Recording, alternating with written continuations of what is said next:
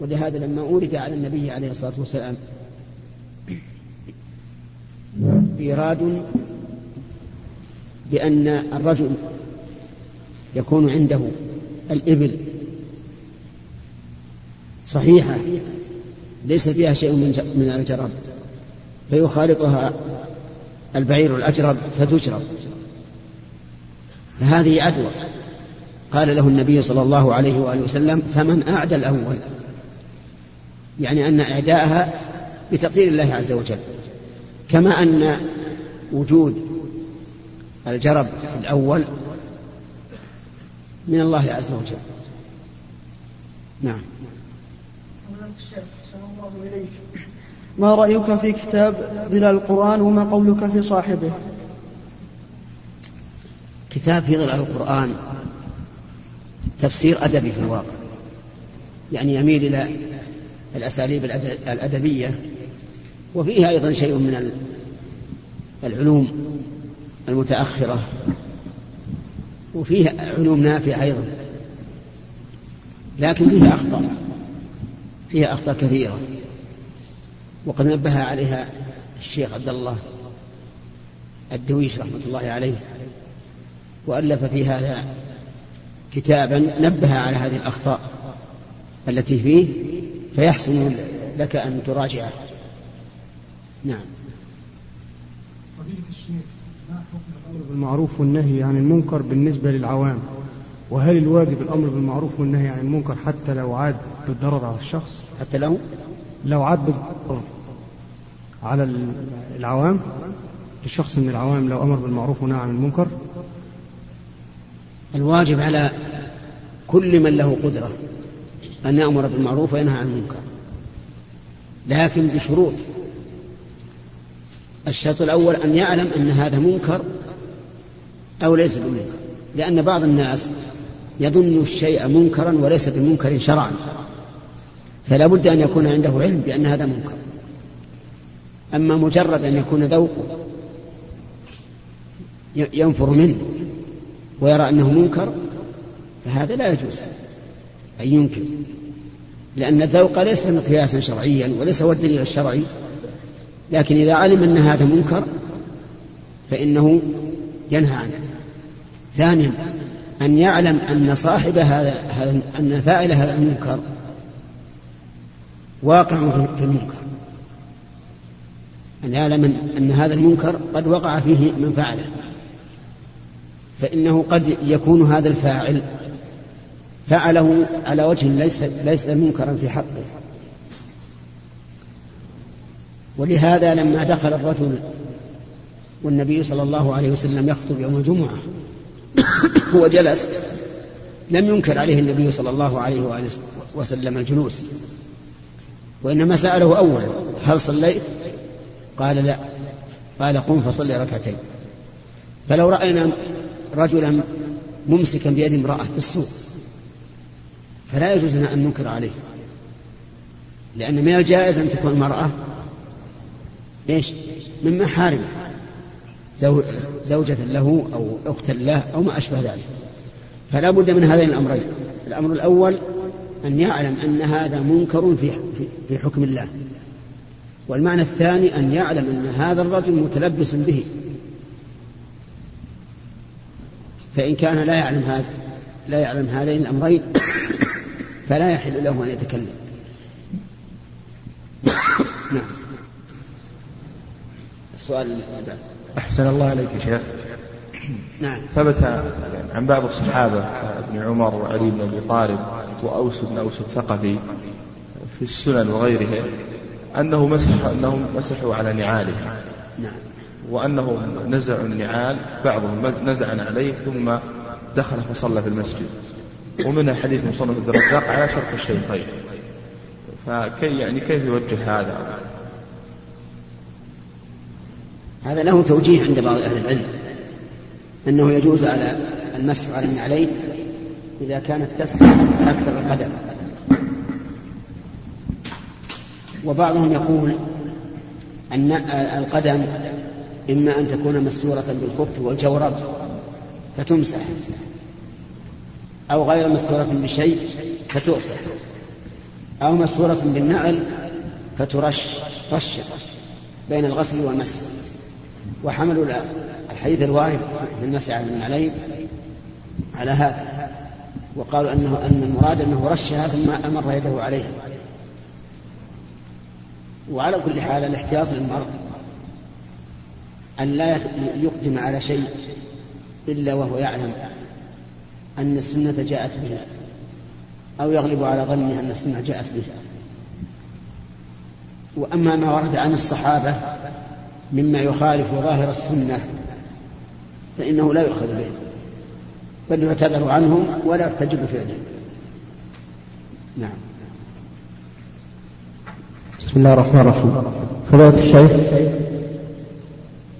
بالنسبة لصلاة النفل هل يجوز للإنسان أن يقطعها بدون عذر إذا شرع فيها؟ قال أهل العلم رحمهم الله كل من دخل في نفل فله أن يقطعه لأنه نفل والاستمرار فيه نفل لكنه يكره أن يقطعه لغير غرض صحيح واستدلوا لذلك بأن النبي صلى الله عليه وآله وسلم قطع صومه حين دخل على أهله ووجد عندهم طعاما فقال أرينيه فلقد أصبحت صائما فأكل. واستدلوا أيضا بأن النفل نفل زيادة إن جاء بها الإنسان فهو أكمل وإلا فلا, فلا حرج عليه. إلا أنه يستثنى من ذلك الحج والعمرة. فإن الشروع في نفلهما ملزم. ولهذا سمى الله تعالى ذلك نذرا. فقال ثم لقوا تفثهم وليوفوا نذورهم. وقال تعالى وأتموا الحج والعمرة لله فإن أحصرتم فما استيسر من هدي. قال ذلك قبل أن يفرض الحج والعمرة. ولكن كما قلت لك لا ينبغي أن يقطعه إلا لغرض صحيح. نعم. فضيلة الشيخ, فضيلة الشيخ هل البسملة آية من سورة الفاتحة؟ وإذا كانت آية فما حكم من لم يقرأها في الصلاة؟ الصحيح أن البسملة ليست آية من سورة الفاتحة. والدليل على هذا أن النبي صلى الله عليه وآله وسلم كان لا يجهر بها كما يجهر ببقية الآيات. ودليل آخر حديث أبي هريرة عن النبي صلى الله عليه وآله وسلم أنه قال عن الله تعالى قسمت الصلاة بيني وبين عبدي نصفين فإذا قال الحمد لله رب العالمين قال الله حمدني عبدي وذكر تمام الحديث. ولو كانت البسملة من الفاتحة لبينها النبي صلى الله عليه وآله وسلم. ولأنه بالاتفاق أن الفاتحة سبع آيات. وإذا قسمناها على الوجه الذي أتى القرآن الكريم عليه تبين أن البسملة ليست من الفاتحة.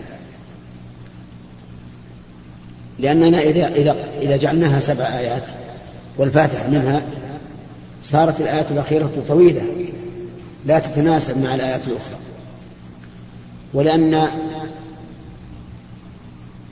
قوله تعالى في الحديث القدسي قسمت الصلاة بيني وبين عبدي نصفين يقتضي أن تكون أول الآيات الحمد لله رب العالمين.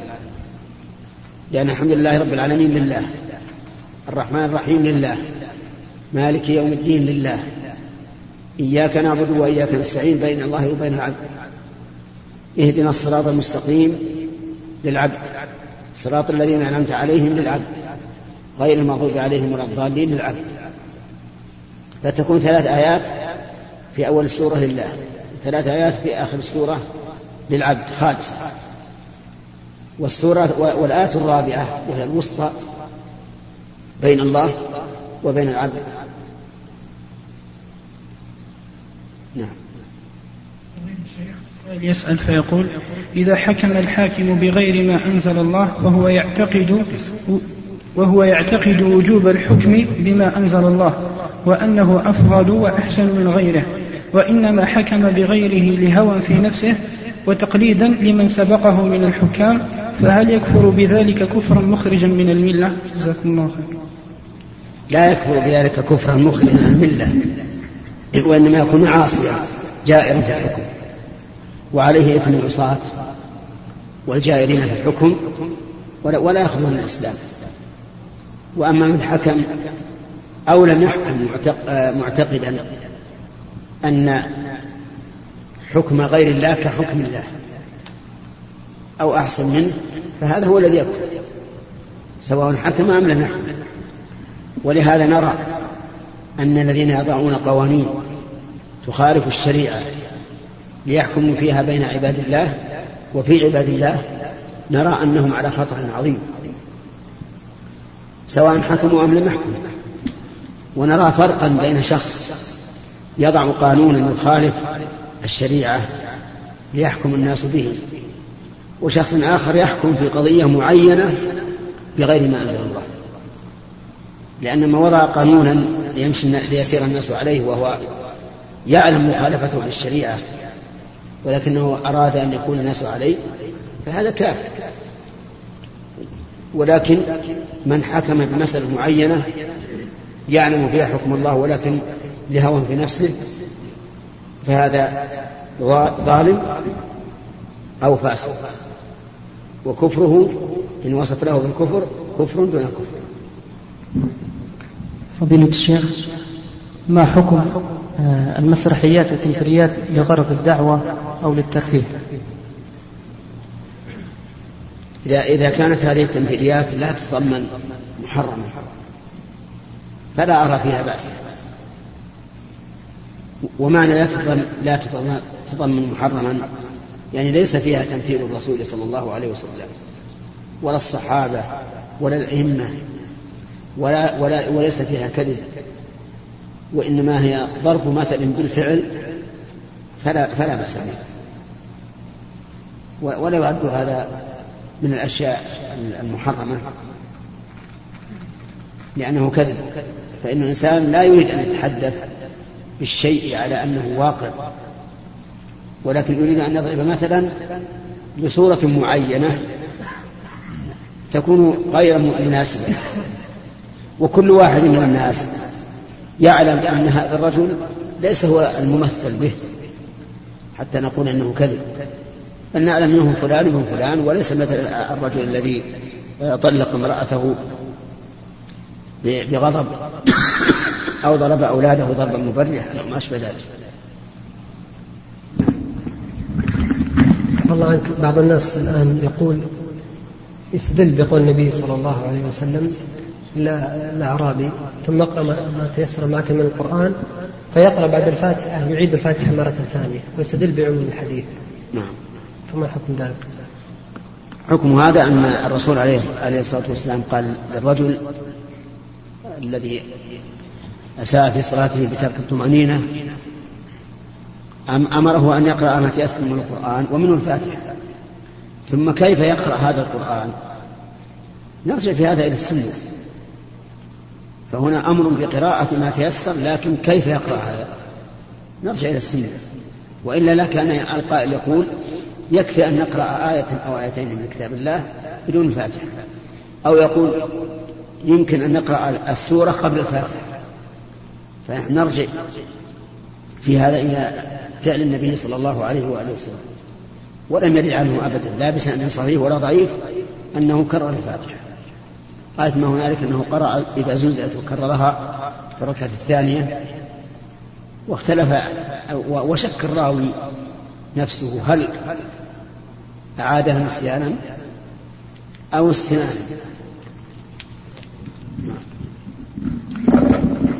شيخ درسنا بالأمس في كتاب الفتن بأنه لا يجوز الخروج عن الحاكم ومنازعة الحاكم إلا إذا ظهر منه كفر بواح فهل واشترطنا الشرط قلنا وجوب أن تكون العدة؟ يعني تكافؤ القوة. هل تعتبر يا شيخ مثلا إذا لم تتكافأ تتكافأ القوة فكانت عن طريق مثلا الاغتيالات أو الجماعات السرية التي تقوم بعمليات؟ مثلا كما يعني يفعل الآن في بعض المجتمعات فهل هذا يعتبر من المنازعة؟ وهل هو جائز أم لا؟ إذا كان كفرا بواحد عنده فيه من الله برهان وقدر أن يقتل هذا الذي فعل هذا الكفر البواح الذي عنده من برهان فلا بأس. يقتله بما يستطيع. لكن أن ينازعه ويأتي علنا بدون بدون أن يكون عنده قدرة فهذا لا يجوز. ثم أن الاغتيال أيضا. يجب أن يقيد أن يقيد بما إذا كان خلفه لا يكون مثله أو أشد منه لأنه ربما يكون خلفه أشد منه. فحينئذ لا تحصل الفائدة. ومثل هذه المسائل مسائل دقيقة.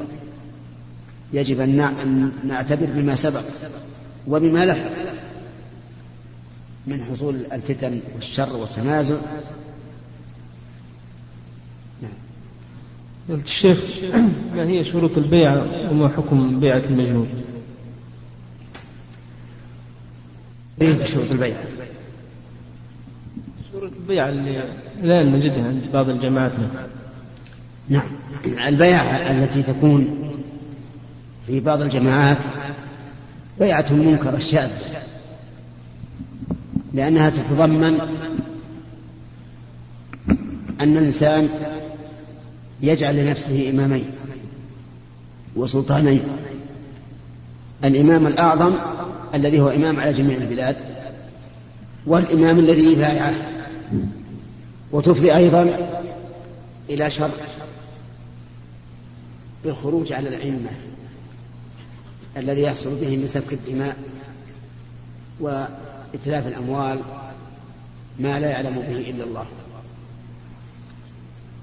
وأما التأمير على الجماعة فهذا قد جاءت به السنة فيما إذا سافر الإنسان إذا سافر جماعة أن يؤمر أحدهم نعم. رجل صلى في الحرم وكان وقت زحام وصلى واحد يعني لم يركع ولا يسجد؟ لم يركع ولم يسجد. الواجب إذا كان هناك زحام أن يأتي الإنسان بالركوع لأن الركوع يسهل أما السجود فإنه ينتظر حتى يقوم الناس ثم يسجد. أو يجلس قاعدا ويومي بالسجود. أو يسجد على ظهر إنسان على ما ذهب إليه بعض أهل العلم بأن يسجد على ظهر إنسان و ولكن الذي أرى أنه إما أن يسجد بالإيماء وإما أن ينتظر حتى يقوم الإمام ثم يسجد بعده. ولعل السجود بالإيماء أحسن من جهة أنه لا يتخلف عن الإمام ويكون قد الله ما استطاع. نعم. هل عليه إعادة الآن؟ إن أعاد فهو أحب إليه. إن أعاد فهو أحب إليه.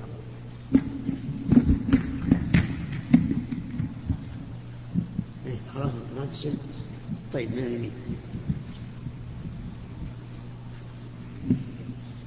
تفضل.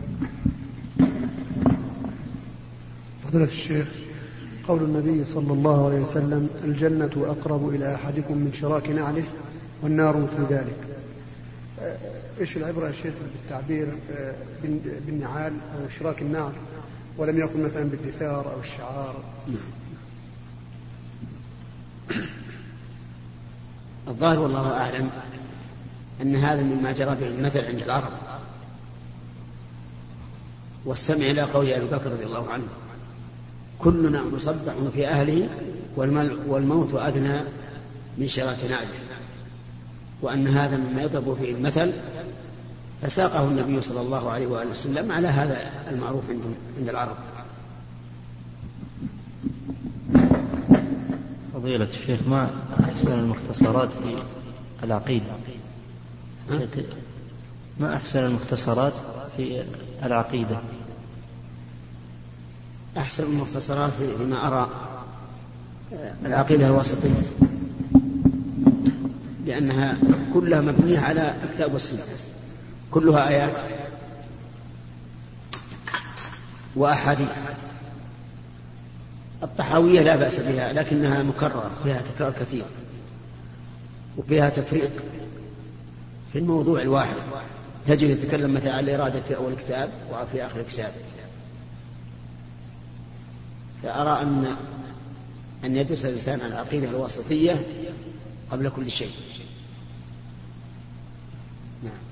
فضيلة الشيخ اختلف العلماء في تكفير الرجل الذي يعمل أعمال كفرية في؟ العلماء اختلفوا في تكفير رجل معين. تكفير؟ تكفير رجل معين يعمل عمل كفري نعم. ما بين متشدد ما بين متساهل. بعضهم يقول إذا رأيت رجل يطوف حول قبر تسأل عن نيته لماذا يطوف؟ بعضهم يقول مجرد رؤية الرجل فإنه كفر خصوصا إذا كان يعلم بهذا الشيء. هل ينكر فما قولكم في هذا وهل ينكر بعض على الآخر. أقول لعلك تفهم أن في الأمة الإسلامية طائفتين متطرفتين الخوارج والمرجئة فالخوارج يقولون لا ينفع مع المعصية الإيمان ويكفرون كل فاعل كبير. والمرجئة يقول لا ينفع لا يضر مع الإيمان. معصية. ويجعلون كل صاحب معصية مؤمنا كامل الإيمان. وهكذا في زمنك الآن. فيه من من جذبته المرجئة وتوسع فيها في التساهل في الحكم على الناس وفيهم من نزع نزعة الخوارج وصار يكفر في كل ذنب. والواجب الاقتصار في التكفير على ما جاء على ما جاء بالكتاب والسنة لأن الحكم بالتكفير من جملة الأحكام التي تلقى التي تتلقى من عند الله. فكما أنه لا يحل لنا أن نقول هذا واجب وهذا حرام إلا بدليل فلا يجوز أن نقول هذا كفر وهذا إيمان إلا بدليل. ثم إننا إذا قلنا هذا كفر وهذا إيمان فلا نحكم على كل فاعل له أن يكون أن يكون كافرا. لأنه قد يكون معذورا. قد يشتبه عليه الحق. قد يكون مضطرا. ارتكب هذا للضرورة. فنصبر حتى نتبين حال, حال هذا المرء فإذا تبينا حاله وأن الرجل عنده علم ولكنه تجرأ على ما يصل بالكفر كفرناه. نعم. هل بعضهم على الآخر؟ معلوم. المتطرف من هذا أو من هذا ينكر عليه ويقال اتق الله في عباد الله.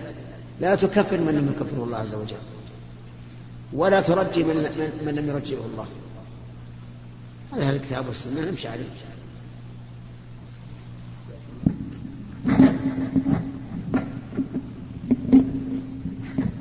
فضيلة الشيخ يقول الرسول صلى الله عليه وسلم كل دين يقول الرسول صلى الله عليه وسلم كل دين أو كل قرضا جر نفعا فهو ربا أو كما قال عليه الصلاة والسلام. هل يدخل هذا في الجمعيات التي يتخذها بعض الأشخاص يجعلون من رواتبهم شيئا ويأخذه كل يعني واحدا منهم؟ نعم. أولا الحديث الذي أشرت إليه حديث ضعيف مرفوع عن النبي صلى الله عليه وسلم. كل قرض جر منفعة فهو ربا. لكنه مشهور عند أهل العلم أي مشهور عندهم أن كل قرض جر منفعة فهو ربا. ووجهه أن المقصود بالقرض الإحسان والإرفاق فإذا انتفع المقرض من ورائه خرج عن مقصوده وصار مقصودا به المعاوضة فأنا مثلا أقول لهذا الرجل أنا أقرضك ألف ريال بشرط أن ترد علي ألف ومائتين. هذا ليس كقرض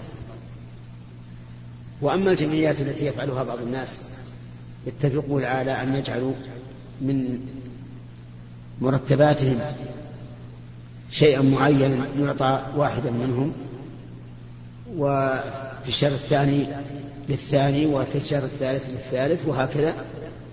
فهذا جائز وليس من باب القرض قرض من باب القرض الذي جر نفعا لأن المقرض لم يأتيه أكثر مما أقرض. سلم ألفا وسيأتيه ألف فقط. نعم. جزاك الله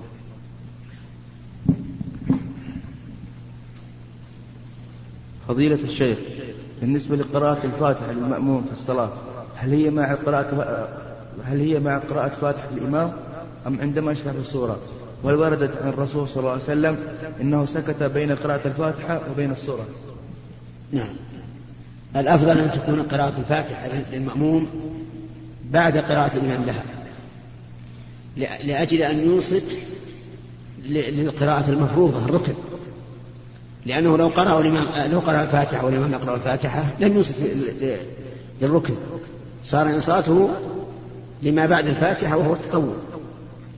فالأفضل أن ينصت لقراءة الفاتحة لأن الاستماع للركن أهم من الاستماع للسنة. هذه من جهة. من جهة أخرى أن الإمام إذا قال ولا الضالين وأنت لم تتابع لم تستمع له فلن, تقول آمين. وحينئذ تخرج عن الجماعة.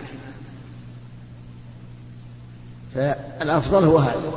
أما السكتة بين قراءة الفاتحة وقراءة السورة فلم ترد عن النبي صلى الله عليه وآله وسلم على حسب ما ذهب إليه بعض الفقهاء من أن الإمام يسكت سكوتا يتمكن به المأموم من قراءة الفاتحة وإنما هو سكوت يسير سكوت يسير يتراد به النفس من جهة ويفتح الباب للمأموم من جهة أخرى حتى يشرع في القراءة ويكمل ولو كان الإمام يقرأ.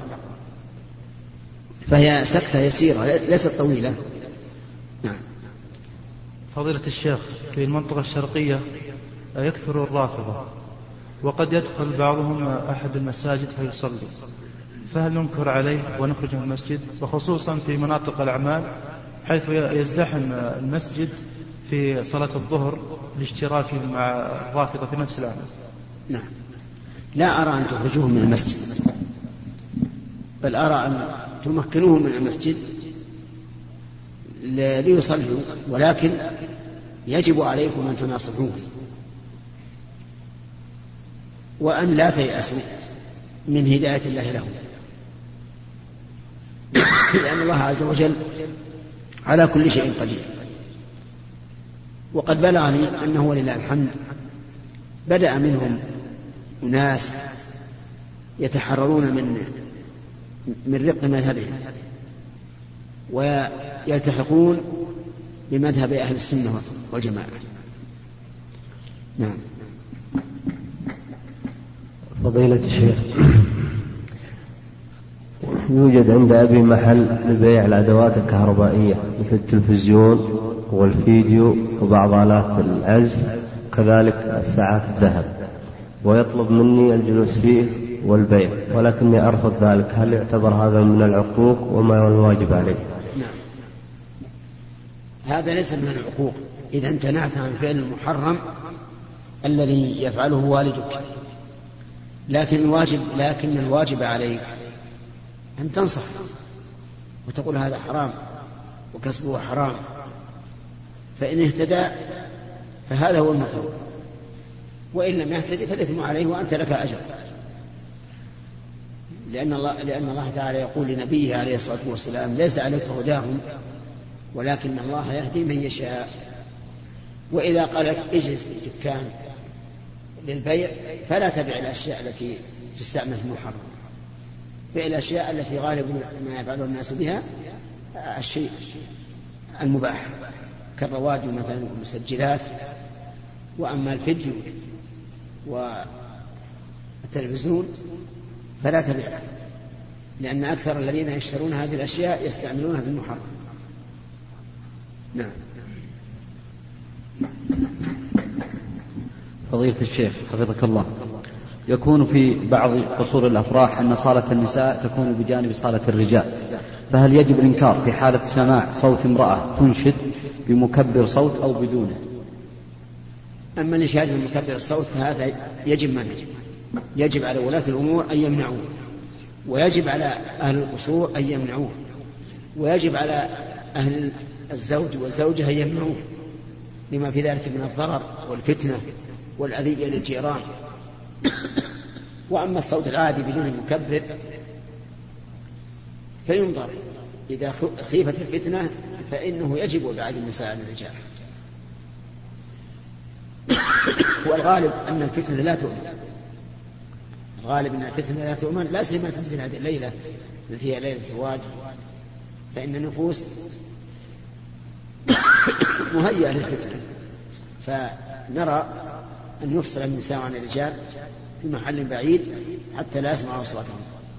جزاك الله خير. وليكن هذا آخر سؤال لأنه لم يبقى إلا دقائق ثم يؤذن الظهر. فنرجو منكم الإذن لنا بالانصراف والسلام عليكم ورحمة الله وبركاته.